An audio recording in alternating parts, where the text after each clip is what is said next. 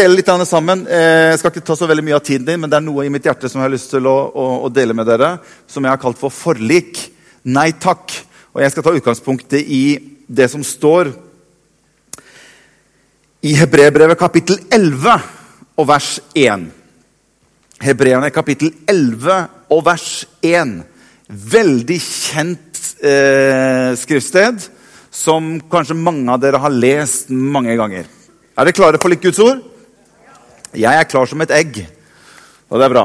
Hebreerne 11,1, der står det Tro er full visshet om ting en håper på. Overbevisning om det en ikke ser. Tro er full visshet til det en håper på. Overbevisning om det en ikke ser. Så skal vi gå til første Mosebok kapittel 17, og så skal vi lese et godt avsnitt sammen der, fra vers 15. Første Mosebok kapittel 17 og fra vers 15, der står det Dette er fantastisk. Så sa Gud til Abraham, Sarai, din kone skal du ikke lenger kalle ved navnet Sarai, men Sara. Nå tror jeg at jeg har fylt på en liten H der. Det står egentlig ikke det i den norske oversettelsen. Det står Sara uten H. Men, men, men Abraham fikk nytt navn, og da fikk han inn en H. Det har noe med, med pustet fra Gud som, som, som, gjør Abraham slik at han kan bli fruktbar. Og det samme skjer med Sara. Åndens pust fra Gud som, som setter sitt preg på, på, på Sara. Så sier han at hennes navn skal være Sara. Jeg skal velsigne henne og også gi deg en sønn med henne så skal jeg velsigne henne, og folkeslag skal komme fra henne. Konger over folkeslag skal utgå fra henne. Da falt Abraham ned på sitt ansikt og lo. Hva er du med? Hva er det du sier for noe, Gud? Jeg kan du ikke mene.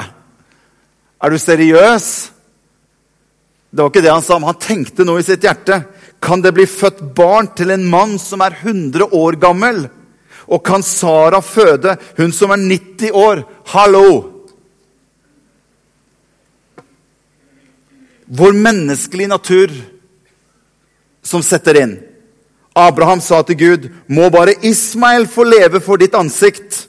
Da sa Gud, 'Nei, din kone Sara skal føde deg en sønn.' 'Og du skal kalle ham med navnet Isak.' 'Jeg skal opprette min pakt med ham til en evig pakt med hans ett etter ham.' Også din bønn for Ismail har jeg hørt. Se, jeg har velsignet ham, og jeg skal gjøre ham fruktbar og gjøre ham overmåte tallrik. Han skal bli far til tolv høvdinger. Legger du merke til at Det er ikke noen konge som går ut fra Ismail, det er kun gjennom Isak.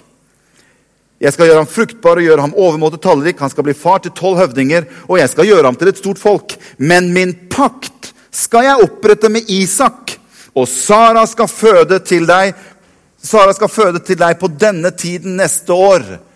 Abraham, dere har tre måneder på å bli gravid, og så er det ni måneder som det tar for å føde denne sønnen. Så avsluttet han samtalen med ham, og, og Gud for opp fra Abraham. Jeg har lyst til å dele noen tanker rundt noe som er kalt for forlik. Nei takk. Når vi leser i det, i det, første verset vi leste i Hebrevet kapittel 11, hvor det står at tro er full visshet om ting en håper på, så, så, så refererer man ofte til det verset ut ifra at man ønsker å, å, preke om tro. Og det kan virke på en måte som at tro er hovedpersonen i Hebrevet 11. Men jeg tenker at når jeg leser litt gjennom det som står der, så er det jo egentlig ikke tro som er hovedpersonen. Men håp må være hovedpersonen her.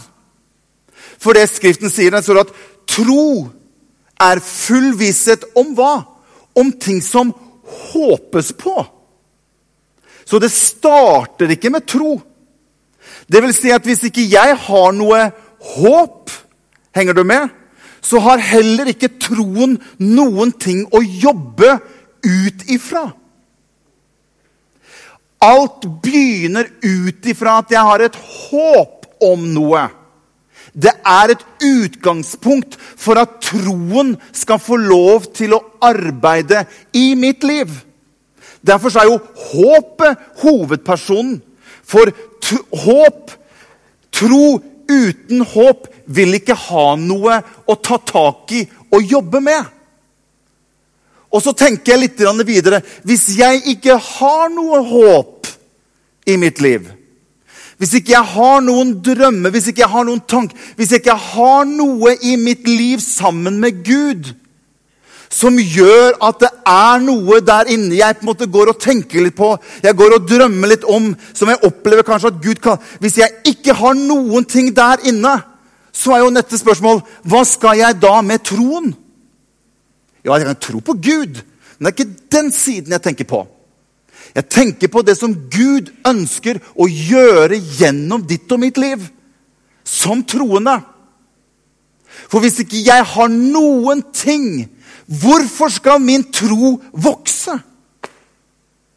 Og det er, det er, utrolig lett å merke forskjell på mennesker som kommer til Guds hva skal vi si, til Guds menighet eller til kirka på en søndag, og som er lengtende. Som har den derre i seg Gi meg noe!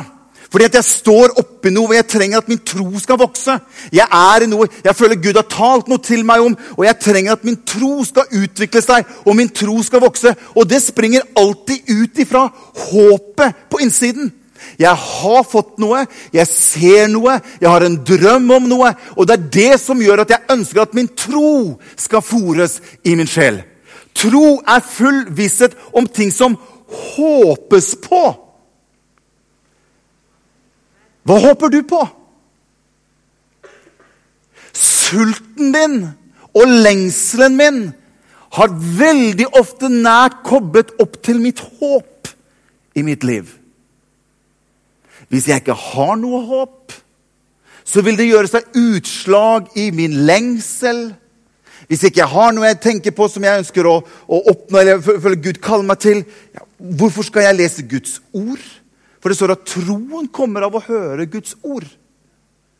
Så jeg kommer på møte på søndag fordi jeg er sulten.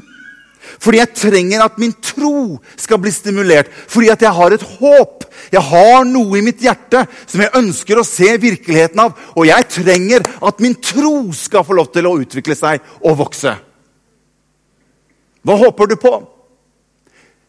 Faktisk er det sånn at Hvis du, hvis du leser litt om håp generelt, om du tror på Jesus eller ikke, om du er en ikke-troende eller troende Håp i et menneskes liv er fundamentalt. Hvis et menneske mister håpet sitt, så er det noe i livet som gjør at det er ikke verdt å leve. Det er en, det er en sterk bærebjelke i menneskers liv. Og Hvis du leser psykologi om mennesker hvor, hvor, hvor mennesker sliter psykisk, så ser du ofte at psykologer de ønsker, hva de ønsker å gjøre? De ønsker å skape et lite håp i mennesket. Begynne å håpe på at noe lenger fram kan bli en virkelighet.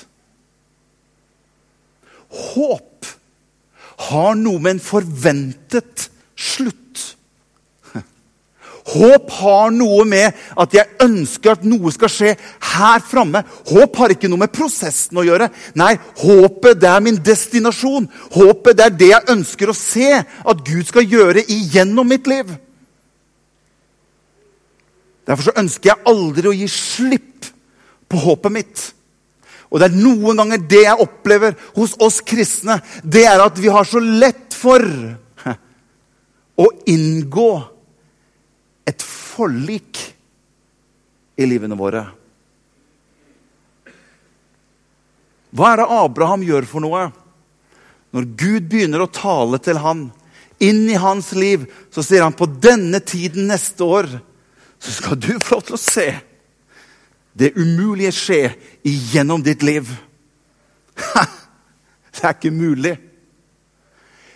Så sier Abraham til Gud Gud, La oss heller bare inngå et forlik. Du ser jo Ismail. Han er jo her nå. Skal ikke gå inn liksom på detalj. Det, som skjedde var at, ja, vi skal liksom ikke fortelle så mye, men, men, men han, han, er her.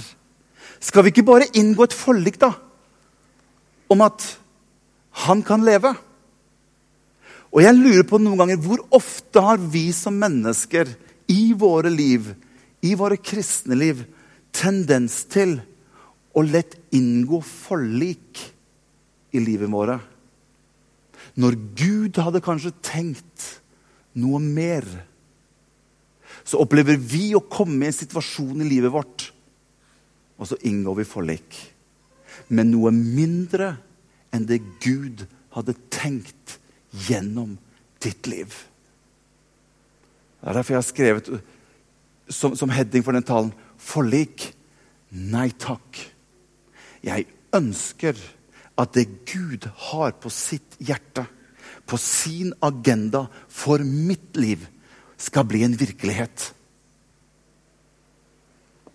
Henger du med?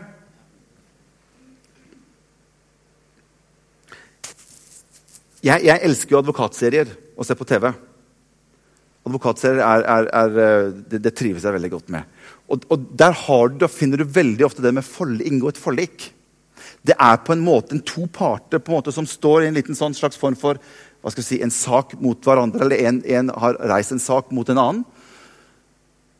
Og så prøver man på en måte underveis, hvis motparten ofte ser at dette kan vi tape, så er det noen ganger at man går inn og sier du, vi skal ikke bare inngå et forlik.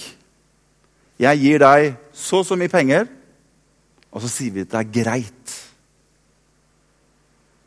Og veldig ofte så inngår vi forlik. Og jeg tenker at det, det skjer i livene våre også. Vi kan ikke inngå forlik på så mange ting som vi kanskje opplever i oss at dette her er egentlig ikke det det var tenkt til. Dette var egentlig ikke kanskje det Gud hadde ønsket. Men jeg, jeg vet ikke om jeg orker å betale prisen. Det virker for dyrt å skulle gå videre med saken. Enda jeg opplever at jeg har et håp med en forventet utgang, en ende på noe, som jeg opplever kanskje Gud har lagt i mitt liv. Men prisen opplever jeg nå er for høy å betale. Og så kan den onde komme inn. Så sier han, 'Du, vi skal ikke bare inngå et forlik.' Kan vi ikke bare la det være sånn som det er nå?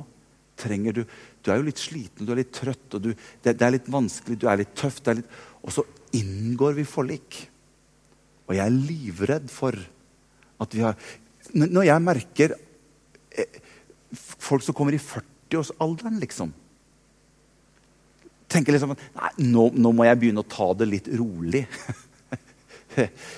jeg, tror jeg, jeg, tror jeg, jeg tror liksom nå, nå, skal jeg bare legge meg tilbake. Nå, nå skal, ikke, nå, skal jeg ikke, gjøre så særlig mye mer.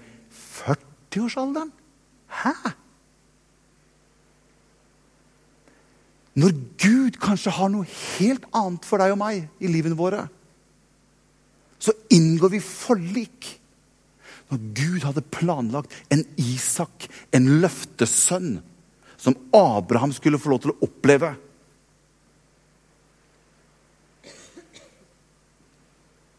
Jeg nekter å inngå forlik.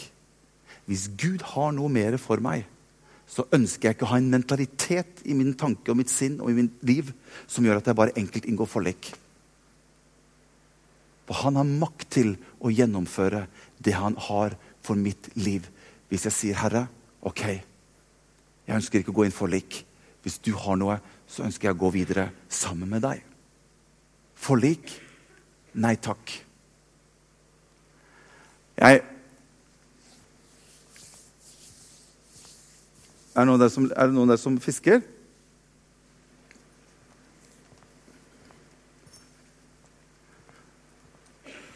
Her var mange, her var det ikke mange entusiastiske fiskere. Steinar, hvor er du hen? Dette her er bra stang. Ja, jeg har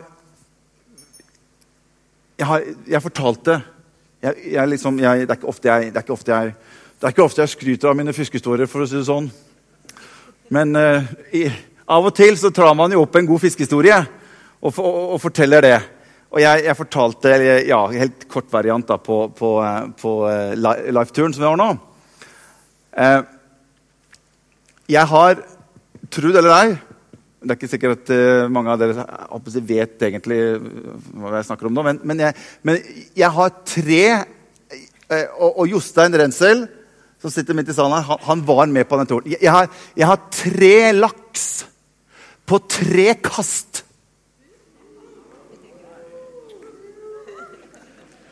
Ja, ja, ja, ja, ja. ja. ja litt sånn Tre laks på tre kast med en amatørfisker fra byen, liksom. Vi fiska inne i Matre, og Jostein hadde fått ny fiskestang, så vi dro inn og skulle fiske. Jostein er svogeren min. Og så skulle vi prøve Jeg hadde med meg kaffe og litt sjokolade. og jeg synes Det er utrolig deilig bare å sitte i vannkanten der og bare drikke kaffe og se litt på de andre som fisker. liksom. Og så var det et eller annet som skjedde med stanga til Jostein. Eh, et eller annet snøre som, som eh, fikla seg litt opp. Så sa jeg du vet hva, det kan jeg det kan jeg fikse. med, Jeg sitter jo bare her og holder på med, med, med kaffen og, og sjokoladen allikevel. Så jeg har god tid. Og så hadde jeg fiksa den stanga til Jostein. Så tenkte jeg ja, ja, jeg kan jo ta et kast. Og dette her er i Matre, Matreelva. Der går det mye laks. Og jeg kaster ut. Og det sier pang med det samme den kommer ut. Og der smekker altså laksen på. På mitt første kast. Der hadde det stått gutter, fiskegutter altså som har utstyr helt opp hit. I dagevis. Og de skjønte jo at jeg som kom med olabukse og T-skjorte, og så bare liksom bare drar den ut, sånn så sier bare pang i andre enden. Og jeg drar opp en laks på over tre kilo. Så tenkte jeg ja, ja. Når du, når du først er i stimen, så kan du jo prøve en gang til. Og jeg drar og bare kaster ut, og så sier det pang på nytt igjen. Så i, lø altså, i løpet av en halv time så hadde vi laks for over ni kilo på tre kast. Og han, en, han ene bergenseren som sto der, du kan tenke deg sjøl Han har stått der da i 48 timer, og øya hans var, var der. 'Jeg har ikke fått ett napp!' Og så kommer du fra byen, og så, og så får du tre laks på en halvtime! Altså, han, jeg har aldri sett en mer skuffa mann. Så han løper jo bort til meg og spør hva, er du fiska med. Hva, hva du fisker med? Han var helt han var helt der. Og jeg viste han, ja, jeg fisker med han her. Og han ropte på kona sin, som var satt i en stol på andre siden. 'Mette! Fly i bilen og hente agnet mitt! Jeg må ha Nå! Fort deg!' Han var helt gæren. Så sa jeg, 'Vær så god, du må bare fiske. Jeg er ferdig.' Så vi dro derfra med tre laks på over ni kilo. Ja da, det, det, jeg syns du kan Jeg skal vise deg en ting til slutt. Gå, gå sammen med meg til Matteus kapittel 17 vers 27. Kapittel 17 vers 27. Det her er Jesus og Peter. Jeg skal ta den bare helt til slutt. Jesus og Peter Og Jesus prøver å vise Peter et eller annet her. Jeg skal, jeg vil at du skal bare se det. Kapittel 17 og vers 27 i Matteus. Da de var kommet til Kapernaum, kom de som krevde inn tempelskatten, til Peter og sa, 'Betaler ikke deres mester tempelskatt?' Han sa jo. Men da han var kommet inn i huset, kom Jesus ham i forkjøp og sa, 'Hva tror du, Simon?' Hvem tar kongene på jorden imot toll eller skatt fra? Fra sønnene sine eller fra fremmede? Peter sa til ham, 'Fra fremmede.' Jesus sa til ham, 'Da går altså sønnene likevel fri.' Eller fri. Likevel, for at vi ikke skal støte dem, gå ned til sjøen, kast ut en krok og ta den første fisken som kommer opp. Og når du har åpnet munnen på den, skal du finne et pengestykke. Ta det og gi til dem for meg og for deg. Dette er eneste gangen i hele Nytestamentet hvor det fiskes på denne måten her. Alle andre ganger fiskes det med nett som man kaster ut. Jeg synes Det er litt fascinerende å se hvordan Jesus tar Peter i denne situasjonen. her. Og så sier han, 'Peter, nå ønsker jeg å vise deg noe, hvordan disse tingene fungerer.' For jeg har ofte tenkt på hvorfor kunne ikke bare Jesus bare, si, bare skape pengene der og da? Eller si, Peter bare åpne opp munnen, og så, liksom, så var mynten i munnen på Peter. Det også kunne vært litt kult. Men han sier, 'Gå ned, og så fisker du'. Peter, Mitt rike er ikke av denne verden. Det er, det, er som, det er, som, Jesus prøver å ta Peter med og prøver å vise han noe.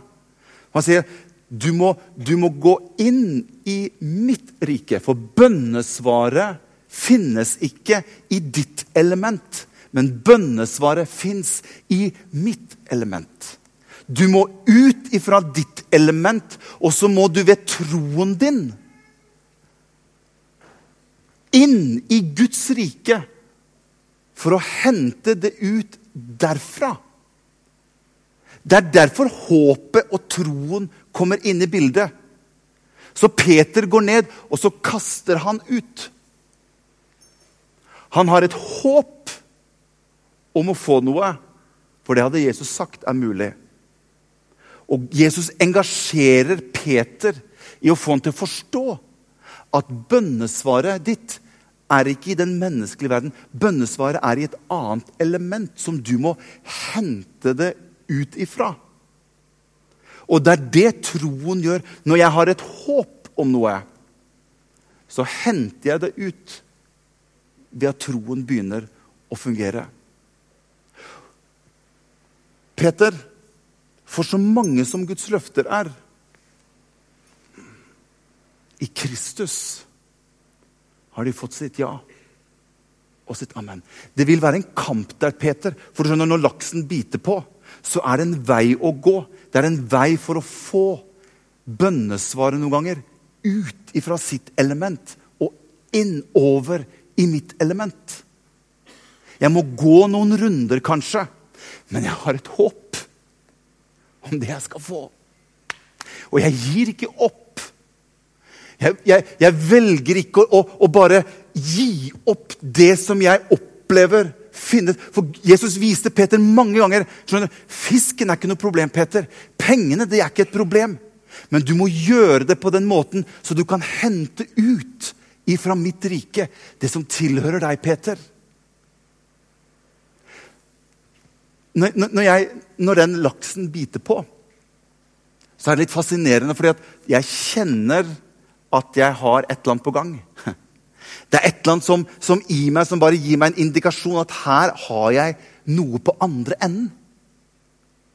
Det som skjer plutselig, det er at laksen den går opp, og så hopper den opp. Så når jeg holdt den, så kikket jeg etter håpet mitt. Og jeg holdt fast på det som jeg ønsket å få tak på. Og plutselig så hopper laksen opp, og jeg ser håpet mitt. Jeg ser det som jeg skal ha i land. Håpet mitt.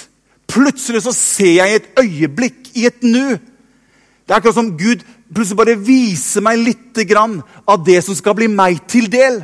Før det dukker ned igjen i sitt element. For jeg har det ikke, jeg har det ikke oppå land enda, men jeg holder fast på det. Og jeg nekter å inngå forlik. For har Gud sagt at han skal gjøre noe, så har han makt til å få det til. Men jeg kan ikke slippe taket. Jeg nekter å inngå forlik. For han har talt, og jeg kjenner det i mitt hjerte. Og jeg ønsker at det han har talt om i mitt liv, det skal få lov til å bli en virkelighet. Og det er det Gud sier til Abraham. Abraham, du skal få lov til å se noe mer enn det som er fra din egen verden. Du skal få en løftesønn. Forlik? Nei takk. La oss stå opp, alle sammen. Halleluja. Det er jo sånn vet du, at når du fisker Har det noen av dere som har opplevd at det biter litt? Det napper litt. Og jeg, jeg, jeg skrev her Noen ganger så får vi sånne små nappere, sånn småfisk, opp. Men, det, det, er ikke det jeg er på jakt etter. Og så skrev jeg her ikke bli tilfreds med noe som var ment som en oppmuntring langs veien. Hvis jeg tenker at ja, ja, jeg fikk bare en bitte liten fisk, og så napper det Jeg er tilfreds med at det napper. Nei. Når du er på laksefiske, så har du noe annet du ønsker å få opp. Og har Gud talt, Hold fast på det. Kjemp for det. Kanskje jeg må gå en annen Jeg kan til og med bli litt skuffet i en runde, men jeg vet hva håpet mitt har vist meg. Og jeg ønsker å være en pastor for dere. Som ikke har noe Som, som ikke er sånn at bare, at, ja, bare gå inn forlik. Jeg ønsker å være en inspirator for oss alle sammen. Ikke gi deg! Ikke bare inngå forlik så lett. Hvis Gud har vist deg noe, hvis Gud ønsker det, hvis en dør står åpen Gå inn, ta det.